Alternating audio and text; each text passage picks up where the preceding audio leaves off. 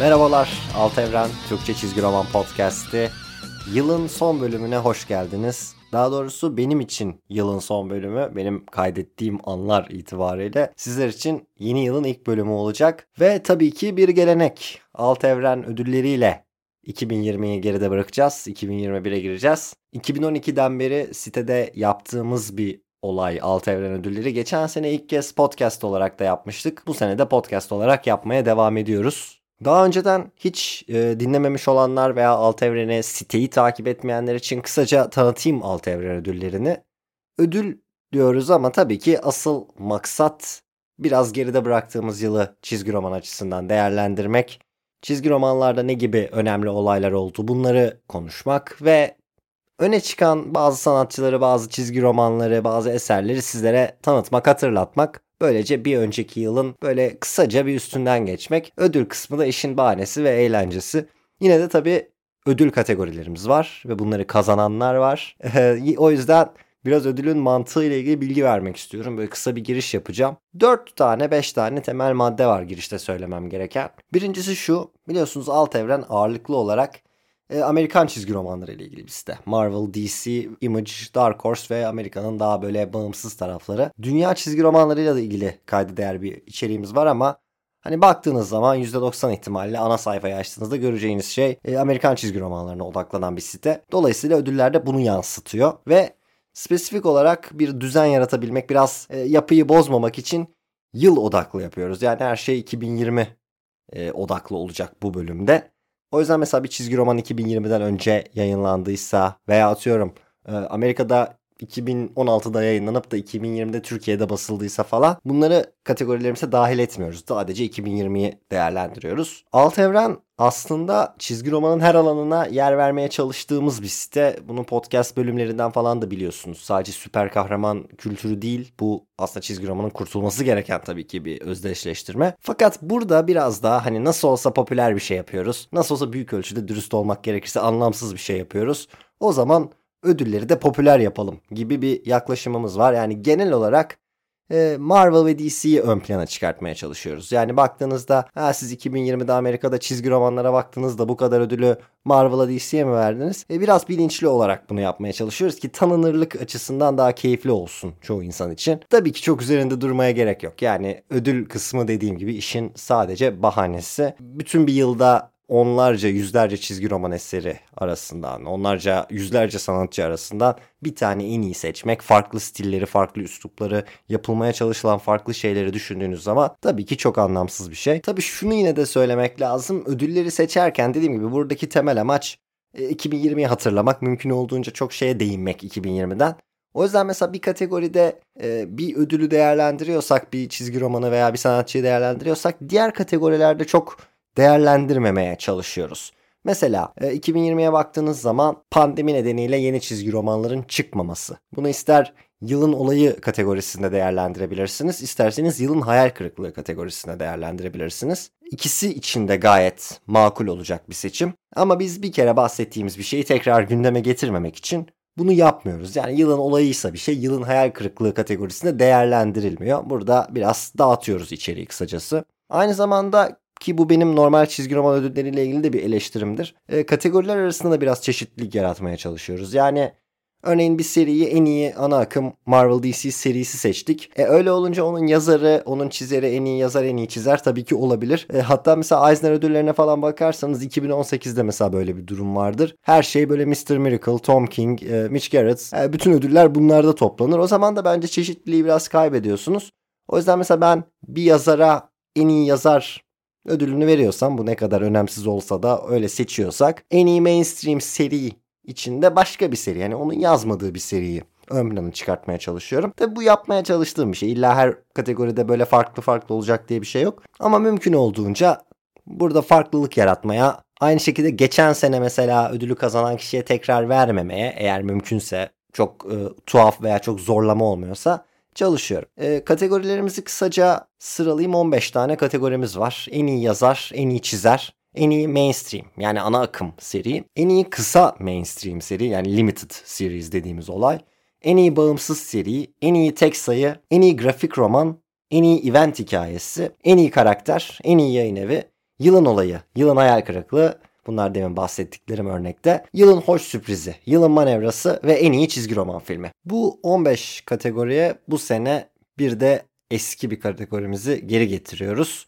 Yılın yükselen yıldızı kategorimizde 2020 ödüllerinde mevcut ve bütün bunlar ışığında ufaktan başlayabiliriz. Tabii ki başlamadan 2020 bölümü için, 2020 alt evren ödülleri için mutlaka söylememiz gereken bir şey var. Bu pandemi durumu. Çok zaten duyduğunuz bir şey, bildiğiniz bir şey. Ben şimdi bir çizgi roman podcastine çıkıp çok kötü bir yıl geçirdik falan gibi şeyleri tekrarlamak istemiyorum. Bunu hepimiz biliyoruz zaten. E, ama şunu söyleyeceğim. Yani pandemiden ve e, koronavirüsten bahsetmeden ne yazık ki 2020'de çizgi romandan da bahsedemiyoruz. Birincisi doğrudan Covid'in etkisiyle belirlenen bazı kategorilerimiz var. Yani e, bütün bir çizgi roman piyasası durduktan sonra Hani yılın hayal kırıklığında başka bir şeyden bahsetmek çok mümkün değil. Bu bir örnek sadece. Aynı şekilde seriler açısından da e, tabii çok olay var. Yani seriler ve yazar çizer açısından da atıyorum daha önceki senelerde benim için hep şey bir kriter olmuştur. Mesela aynı şekilde değerlendirebileceğimiz, aynı seviyede değerlendirebileceğimiz iki yazar var. Ama bir tanesi bu seviyeyi 5 sayıda tutturmuşken diğeri 35 sayıda tutturmuş. O zaman 35 sayı yazan biraz daha öne çıkıyor tabii. Ama bu sene bütün sektör durduğu için seçilebilecek eserler, e, tamamlanmayan eserler, e, yazarların, çizerlerin çalıştığı seri ve sayı sayısı bunlar tabii ki çok farklı bir şekilde değerlendirmemiz gereken konular haline geliyor. Bu nedenle de 2020 ödülleri her konuda olduğu gibi çizgi roman konusunda da biraz daha farklı değerlendirilmesi gereken şeyler. O yüzden e, böyle tuhaflıklara tam kafanıza yatmayan şeylere biraz daha anlayışlı olursunuz diye umuyorum. Ama zaten söylediğim gibi yılı hatırlamaya çalışıyoruz. Ödülü çok da fazla zaten ciddiye almaya gerek yok. Çok uzun bir giriş oldu ama normal. Alt evren ödülleri genelde en uzun bölümümüz oluyor e, bütün yıl boyunca. O yüzden daha fazla vakit kaybetmeyelim. 15 tane kategorinin üstünden geçeceğiz. Hızlı hızlı başlayalım. En zor iki kategoriyle. Hatta 3 tane çok zor kategori var. Üçüncüye de geleceğim ama e, başlangıçta en zor ikisiyle başlıyoruz. En iyi yazar ve en iyi çizer. E, dediğim gibi çok fazla üslup, çok fazla farklı tarz, e, çok fazla kaliteli yazar ve çizer var. Ama deneyelim. En iyi yazar olarak olağan şüphelilerden bir sürü isim söyleyebilirsiniz tabii ki. Tom King, e, Kieron Gillen, her sene mutlaka bahsettiğim Jeff Lemire. E, bu sene çok farklı bir seviyeye ulaşan bence yazarlık konusunda Chip Zdarsky özellikle 2019-2020 Daredevil'la e, ve birkaç tane böyle bağımsız serisiyle. Geçen sene ödülü kazanan Al Ewing hepsini söyleyebilirsiniz. E, aynı zamanda Simon Spurrier gibi bir isim var şimdi. Ee, onu da söylemek gerekiyor. Bana göre özellikle Konstantin serisi çok e, kayda değer bir seri. Bana kişisel olarak mesela çok hitap etmese de hedef kitlesi içinde belki biraz da yer almadığım için e, ama son yıllarda çizgi roman dünyasında çok takdir edilen mesela Mariko Tamaki'yi de söyleyebilirsiniz. Ben bu sene seçimi şöyle yaptım. Şimdi demin de söylediğim gibi yükselen yıldız diye bir kategorimiz var. O kategoriye girmeyecek ama bu sene böyle biraz seviye atlamış. Yani bir süredir çizgi roman dünyasında olsa bu açıdan dikkat çekse de bu sene artık iyice patlamış bir yazar seçelim. Böyle düşününce de benim aklıma iki isim geldi dürüst konuşmak gerekirse. Bir tanesi Marvel'da e, Donny Cates yani ağırlıklı olarak Marvel'da aynı zamanda kendi serileri de var. Ve yine aynı şekilde DC'de e, James Tynion. Bu iki isim e, benim için ön plana çıktı. Donny Cates diyeceğim bu sene için en iyi yazar ama Tynion'a da gidebilir. Burada saydığım herhangi bir isme de gidebilir. Ama Donny Cates bence artık ee, sadece meraklısı, onu seven kitlesi için falan değil herkes için o yazsa okunur e, seviyesinde hisler uyandıran bir yazara dönüştü. Marvel'ın en önemli yazarlarından bir tanesine dönüştü. Bu nedenle ben yazar konusunda Donny Cates'i tercih ettim. En iyi çizer bu zaten hani iyice zor, daha da zor. Yine çok fazla isim var. Yine aynı şekilde düşünebilirsiniz. Yani hem var olan kişiler, uzun zamandır sektörde yer alan kişiler hem de yeni e, yüzler. Biraz araştırma da yaptım. Mesela yeni yüzler içinden Jamal Campbell bu sene çok öne çıkmış. Far Sector'ın çizeri. E, bir sürü sitede onu tercih etmişler yılın çizeri olarak. Ama eskiler de var. Ivan Reis, Sage, Jason Fabok e, hepsini söyleyebilirsiniz. Çok önemli serilerde hepsi çalıştı bu sene. E, bunun dışında mesela Jorge Jimenez çok ön plana çıktı Batman'deki çizimleriyle. E, Once and Future'ın çizeri Dan Mora ki benim tarzını çok sevdiğim bir çizer. Klaus'tan beri böyle takip ettiğim bir çizer. O ön planda hatta böyle biraz daha farklı bir tarz seviyorsanız farklı üsluplar olması sizin için önemliyse e, bana göre Mike Huddlestone da olabilir. Decorum'un çizeri, Jonathan Hickman'ın yazdığı serinin çizeri Image'da. O da e, bahsedilmesi gereken bir isim. Ve daha, daha kimler kimler var yani. Ben de Jamal Campbell'ı düşündüm. Orada biraz e, kişisel tercih sanırım gündeme geldi. Bir de şöyle bir şey oldu. Alt Evren ödülleri 2012'den beri devam ediyor dedim. E, tabii biraz yanıltıcı bu. 2018'de e, yoktu ödülümüz. 2017'de de yoktu. O senelerde atlayınca da özellikle Mr. Miracle'dan dolayı böyle ödülü vermek isteyeceğim, çok isteyeceğim e, iki isim. E, bu sene Strange Adventures'da özellikle karşımıza çıkan iki isim alt evren ödüllerinde hiç gündeme getirilmemiş oldu. E, Mitch Garrett ve Evan Shanner diyeceğim ben. Çok sevdiğim yani gerçekten burada biraz subjektif zevk ön plana çıkıyor. Adını saydığım herkes olabilir bu sene. Saymadığım bir sürü kişi olabilir tabii ki. Ama ben biraz da o iki senelik boşluktaki arayı e, kapatmak için e, Strange Adventures'da da bana göre harika işler yapan e, Mitch Garris ve Evan Shanner diyorum. E, böylece iki kişi arasında paylaştırıyorum ödülü ama zaten birlikte çalışıyorlar bu seride. Dolayısıyla sanırım çok bir sorun değil. En iyi ana akım seri. Güzel bir kategori. Ee, sevdiğim bir kategori. Çünkü ödülün verilmesi tek bir seriye çok anlamlı olmasa da en azından dinleyenler için, okuyanlar için hani 2020'den bakıp okunabilecek bir seri e, çıkıyor. E, bir iki kişiyle bu konularda zamanında konuşmuştum. Daha önceki senelerde böyle bir şeyin olması da güzel oluyor. Hani böyle 2013'e bakıyorlar mesela ödüllere ne varmış ne yokmuş diye. Hani ödül dediğim gibi çok belki dikkat çekmiyor ama en azından gidip o seriye bir göz atıyor. O zaman burada karar vermek için çok da kasmama kendimi gerek yok diye düşünüyorum. E, iki seri arasında paylaştırırsam daha iyi okumak isteyebileceğiniz iki seri olur. Marvel ve DC kapsadığı yayın evleri bu kategorinin en iyi mainstream seri olduğu için. Bir Marvel'dan bir DC'den söyleyelim. Daredevil Marvel'dan Chip Starsky'nin e, yazdığı seri ve John Constantine Hellblazer DC'den. Mu- muhteşem bir seri. E, ikisi de çok iyi seriler bu arada. Karakterleri seviyorsanız özellikle kesin kaçırmamanız gerekiyor. Karakterleri sevmiyorsanız bile bir şans vermenizde fayda var. Dolayısıyla en iyi mainstream seri ödülü de e, bu iki adrese gidiyor. İki yer arasında paylaştırıyoruz. En iyi kısa mainstream seri. Çizgi romanlarda uzun süredir var olan limitli seri yani 10. sayıda, 6. sayıda, 12. sayıda atıyorum biteceği belli olarak yayınlanmaya başlanan seriler. Bunlar geçtiğimiz iki senede böyle bir geri dönüş yaptılar. Eskiden çok vardı böyle seriler. Sonra biraz daha e, düzenli olarak devam eden seriler karşısında yerlerini kaybettiler, konumlarını kaybettiler. Ama geçen sene böyle bir sürü seri vardı bu kategoride değerlendirilebilecek. Ve ben şey diyordum hani umarım devam eder. Çünkü benim çok sevdiğim bir olay. Bu senede devam edeceğini gördük. Yani artık biraz daha eminim devam edeceğinden. Üstelik böyle Black Label falan gibi etiketler de var artık ve bunlar tamamen neredeyse bu limitli seriler üzerinden devam ediyor. Dolayısıyla burada güzel bir süreç var. Değerlendirilebilecek bir konu var. Bir ufak detay ekleme ihtiyacı hissettim bu sene. Geçen sene bu kadar üzerinde durmamıştım bu kategorinin. E, mini serileri genel serilerden ayıran temel nokta bunların bir finali var. E, o finali okumadan da tam anlamıyla seri bitmiş, değerlendirilebilir hale gelmiş olmuyor. O yüzden şu kriter bana mantıklı geldi. Madem serilerin bitmesi gerekiyor o zaman sadece biten serileri dikkate alalım. Yani 2020 içinde bitmiş olan seriler listeye girsin, değerlendirmeye girsin. Böyle deyince tabii benim favorim değerlendirmeye girememiş oluyor. Strange Adventures Covid nedeniyle e, çok geç başladı ve bitemedi. 2020 içinde tamamlanmadı. Bana göre iyi bir seri ama Strange Adventures'ın yazarı Tom King'in bizzat bize kanıtlamış olduğu şekilde Heroes in Crisis'te bu tarz seriler çok ciddi süre düzgün devam edip kaliteli devam edebilip sonda biraz patlayabiliyor. Yani Heroes in Crisis'te gördüğümüz gibi korkunç bir son bütün seriye mal olabiliyor. O yüzden sonu görmeden konuşmamak lazım. Strange Adventures bu şekilde değerlendirme dışı kaldı.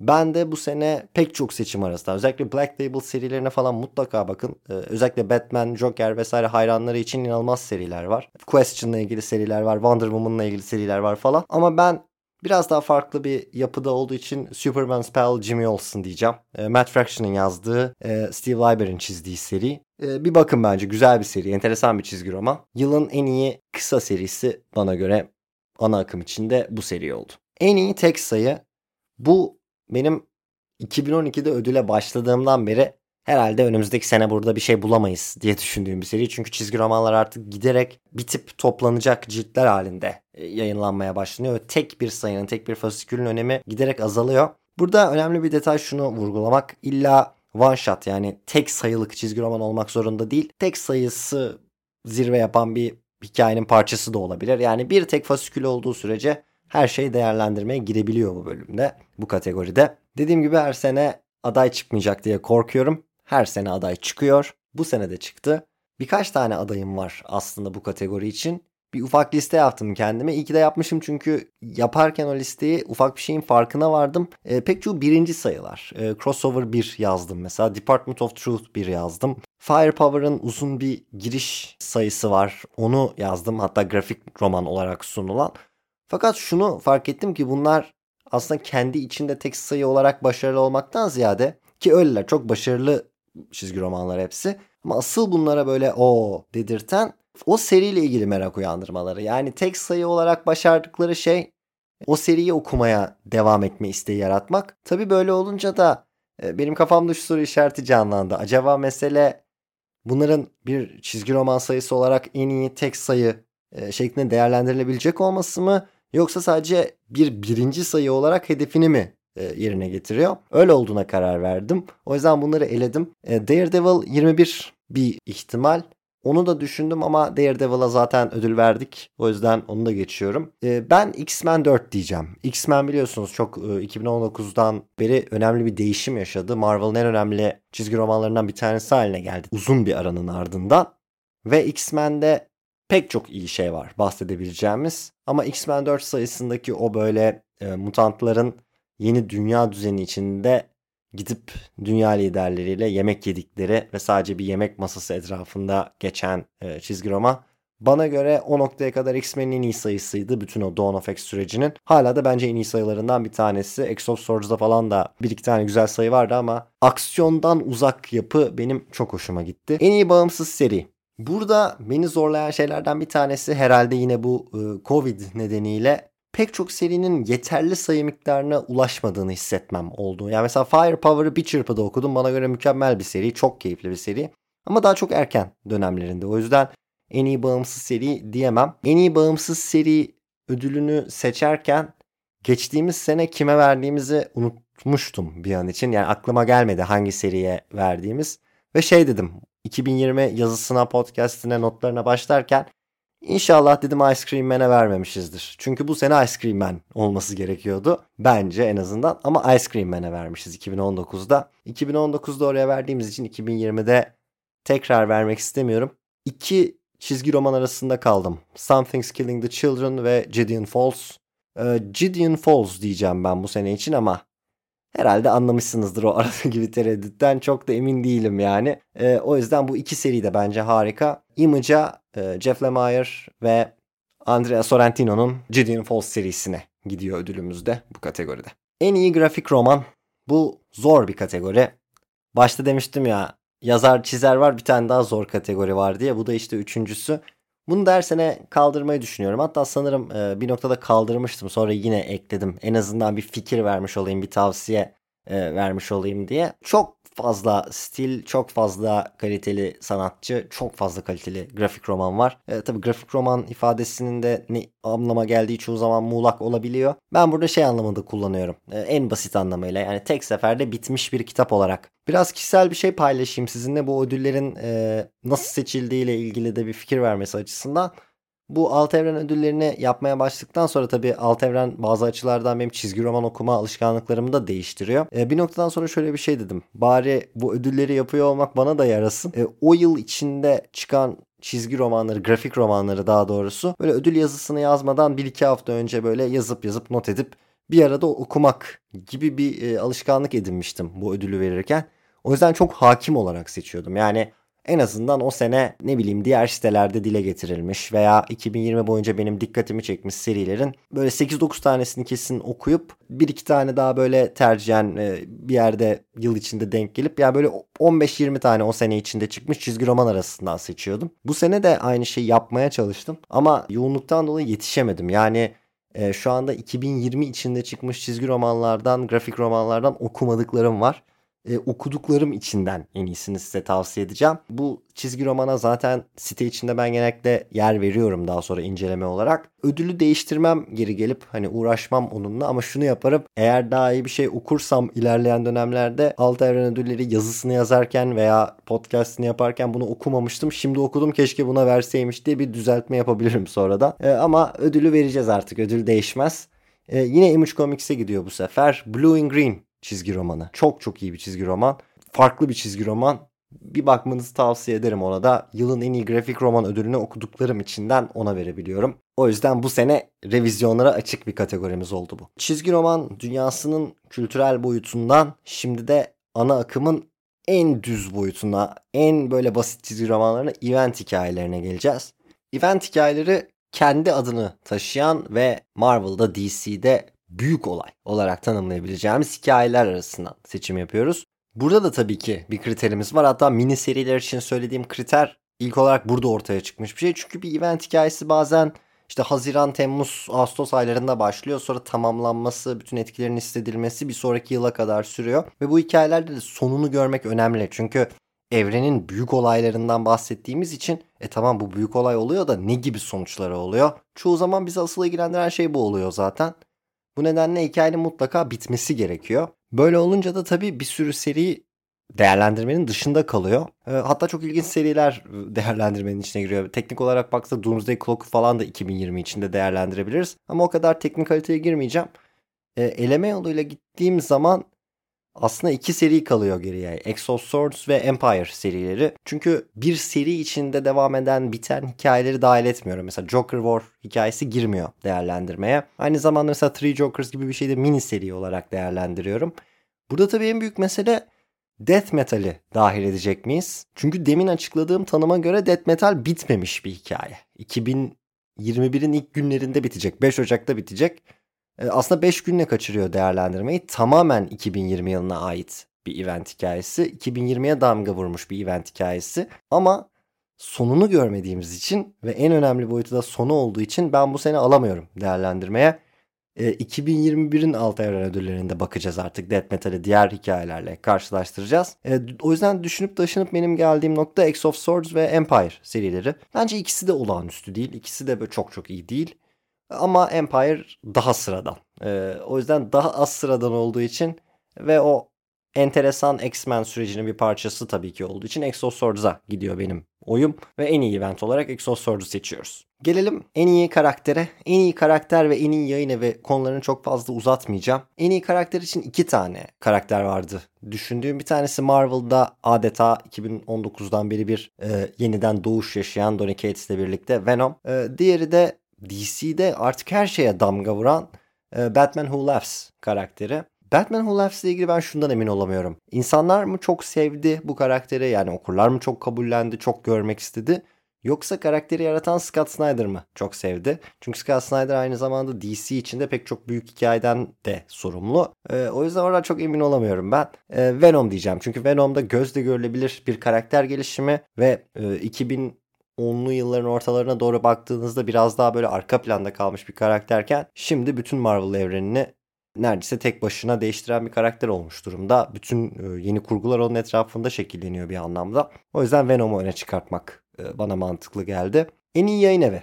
Bu sene enteresandı. En iyi yayın evini sanırım bu işin başlangıcından beri ben 2012'de e, zannediyorum New 52'nun etkisiyle DC'ye vermiştik. Yanlış hatırlıyor olabilirim. E, sonra hep Image Comics aldı. Bu sene de en güçlü aday Image Comics'ti. E, Marvel iyi bir sene geçirdi. Bana sorarsanız çok kötü değildi Marvel için 2020. DC tam bir kaos yılı yaşadı. Yani e, düşündüğünüz zaman yaşadıklarını şirket içinde bir kurum olarak yaşadıklarını çok zor bir yıldı onlar için. Önümüzdeki süreçte ne olacak kimse bilmiyor DC'de. O yüzden DC demek zor. Marvel iyiydi ama bence Image kadar iyi değildi. Image'ın çizgi roman dünyası içinde oynadığı rolü ben çok önemli buluyorum. Bu sene bir başka alternatif daha oluştu. Instagram sayfasını takip ediyorsanız özellikle haftanın yeni çizgi romanlarını paylaşırken e, bunu birkaç kez dile getirdim. E, çizgi roman dünyasında bir Boom Studios gerçeği var. Düşündüm Boom'a mı versek diye ama şöyle bir şey olacaktı. Hani en iyi yayını ve hala Image Comics ama öne çıkartmak istediğim için Boom Studios'a veriyorum gibi bir şey olacaktı. Onu da yapmak istemedim. O yüzden ben en iyi yayın evine hala Image Comics diyeceğim. Bu sene de bozmuyorum seriyi. Belki seneye Boom Studios'la bozarız. Ama unutmayın daha enteresan birkaç kategorimiz daha var. Her şey bitmiş değil. Ee, şimdi biraz olay odaklı bölümlere geliyoruz. Bunlar tabii ki tamamen neredeyse Covid, Covid'in doğrudan etkileri ve Covid'in e, dolaylı etkileri olarak şekillendi bu sene. Yılın olayı son 10 yılın olayı belki de. E, DC Comics'in Diamond'dan ayrılması. Diamond'ın dağıtım ağından çıkması ve kendi kurduğu e, veya ke- kurulmasında büyük rol oynadığı iki dağıtım ağı ile birlikte çalışmaya başlaması. Bu biraz sıkıcı bir konu gibi geliyor olabilir. Çizgi romanı böyle çok sektörel bir boyutu olarak e, görüyor olabilirsiniz. Fakat bu dağıtım ağının parçalanması, Amerikan çizgi roman endüstrisinde çizgi romanların dükkana ulaştırılması konusunda tekel olan bir firmanın artık tekel olmaması ve bunun e, Marvel DC ikilisinden biri tarafından sağlanması çok önemli bir olay. Bunun etkilerini, sonuçlarını olumlu veya olumsuz önümüzdeki süreçlerde görmeye devam edeceğiz. Ama yılın olayı bence DC'nin Diamond'dan ayrılması. Yılın olayı olarak böyle söyleyebileceğimiz evren içi birkaç şey de var. Hani mesela Superman'in kimliğini açıklaması var bütün dünyaya. Başka bir yıl olsa rahatlıkla bu olabilirdi. E, Joker'in yeni kız arkadaşı Punchline meselesi var. Yine başka bir sene bunu konuşuyor olabilirdik ama bu sene öyle bir şey var ki hani odada fil var derler ya odada fil var yani. Fili görmeyip başka bir şeyden bahsedemeyiz. E, o yüzden DC Diamond ayrılığı bu yılın en büyük olayı. Hatta dediğim gibi belki de son e, son 10 yılın en büyük olayı. Çizgi romanlar içinde olan herhangi bir şeyi söylemek çok mümkün değil böyle bir şey varken. Yılın hayal kırıklığı tabii ki Covid-19'un çizgi roman dünyasına etkileri. Tüm çizgi roman sektörünün Diamond'ın kararıyla biz artık çizgi roman dükkanlarına yeni çizgi roman teslim etmeyeceğiz demesiyle durma noktasına gelmesi. Hatta durma noktasına gelmesi deyip e, lafı dolandırmayalım. Direkt durması. 1930'lardan beri her hafta her ay yeni çizgi romanlar şeklinde devam eden bir e, endüstrinin 2020 yılında ilk kez durması ve çok uzun süre yeni çizgi roman okuyamamış olmamız. Tabii ki bunun okurlar üzerindeki etkileri, yazar çizerler üzerindeki etkileri, şirketler üzerindeki etkileri ve belki de en önemlisi e, çizgi roman dükkanları üzerindeki etkileri. Yılın hayal kırıklığı için de e, başka bir şey söylemek bence çok mümkün değil. Yılın hoş sürprizi diye bir ödülümüz var. Böyle daha küçük e, şeyler için. Yani eskiden ne olurdu bu mesela? Atıyorum geçen sene şey demiştik. DC Black Label. Hani Vertigo kapandı. Vertigo'nun kapanması bir hayal kırıklığıydı ama en azından Black Label içinde güzel diyebileceğimiz seriler okuduk. Veya işte Marvel yıllar öncesinden bir örnek veriyorum. Hani Marvel'ın duyurduğu bir sürü yeni seri okurlar tarafından tepki çeken böyle şirket imajını kurtarmak amacıyla yapılmış bir sürü seri duyurulması ama daha sonra alıp okuduğumuzda ha bunlar o kadar da kötü değilmiş e, dememiz gibi şeylerdi. Bu senenin hoş sürprizi yine e, korona ile alakalı. E, çizgi roman dükkanları etrafında yaratılan destek bence çok hoştu. E, özellikle hani sosyal medyayı ki en aktif olduğu yerler bunun Twitter aslında. Twitter üzerinden falan takip ettiyseniz görmüşsünüzdür Hani çizgi roman dükkanlarına verilen destek insanların gidip alması, bazen almadan hani ödemelerini yapması, e, yazar çizerlerin bu konuda girişimleri, e, hani Walking Dead'in mesela sayısı çıktı sadece çizgi roman dükkanlarında satılsın diye. E, bir sürü yazar ve çizerin bu süreçte yaptığı şeyler, en azından yapmaya çalıştığı şeyler, ortaya attıkları fikirler. Yani çizgi roman e, toplumunun, komünitesinin böyle güzel bir amaç etrafında bir araya gelmesi ki bunu e, Türkiye'de de gördük. Türkiye'de de bunun etkilerini gördük. E, Türkiye'deki çizgi roman dükkanları etrafında. O yüzden bence bu da yılın hoş sürprizi olarak tanımlanabilecek bir şeydi. Yılın manevrası.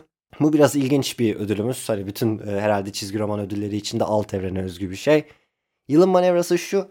İyiye giderken bir anda kötüleşen veya kötü giderken bir anda iyileşen bir şey. Mesela bir örneğini vereyim. Aslında mesela demin söylediğim şey yanlış hatırladım sanırım demin. Ee, geçen sene Vertigo'dan Black Label'a geçen geçiş süreci e, yılın manevrası ödülünü almıştı. E, o mesela bir örnek olabilir. Hani Vertigo kapanıyor eyvah çok kötü ama sonra yerine yine iyi bir şey geliyor ve bir viraj dönülüyor gibi.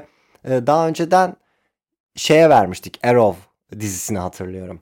E, o da mesela tam tersi iyi bir dizi. İlk iki sezonu e, bayağı beğeniliyordu, bayağı takip ediliyordu. Sonra mesela e, böyle bir sürü karakterin eklenmesiyle kötü bir süper kahraman dizisine dönüşmesi vesaire gibi şeylere verdiğimiz bir ödül.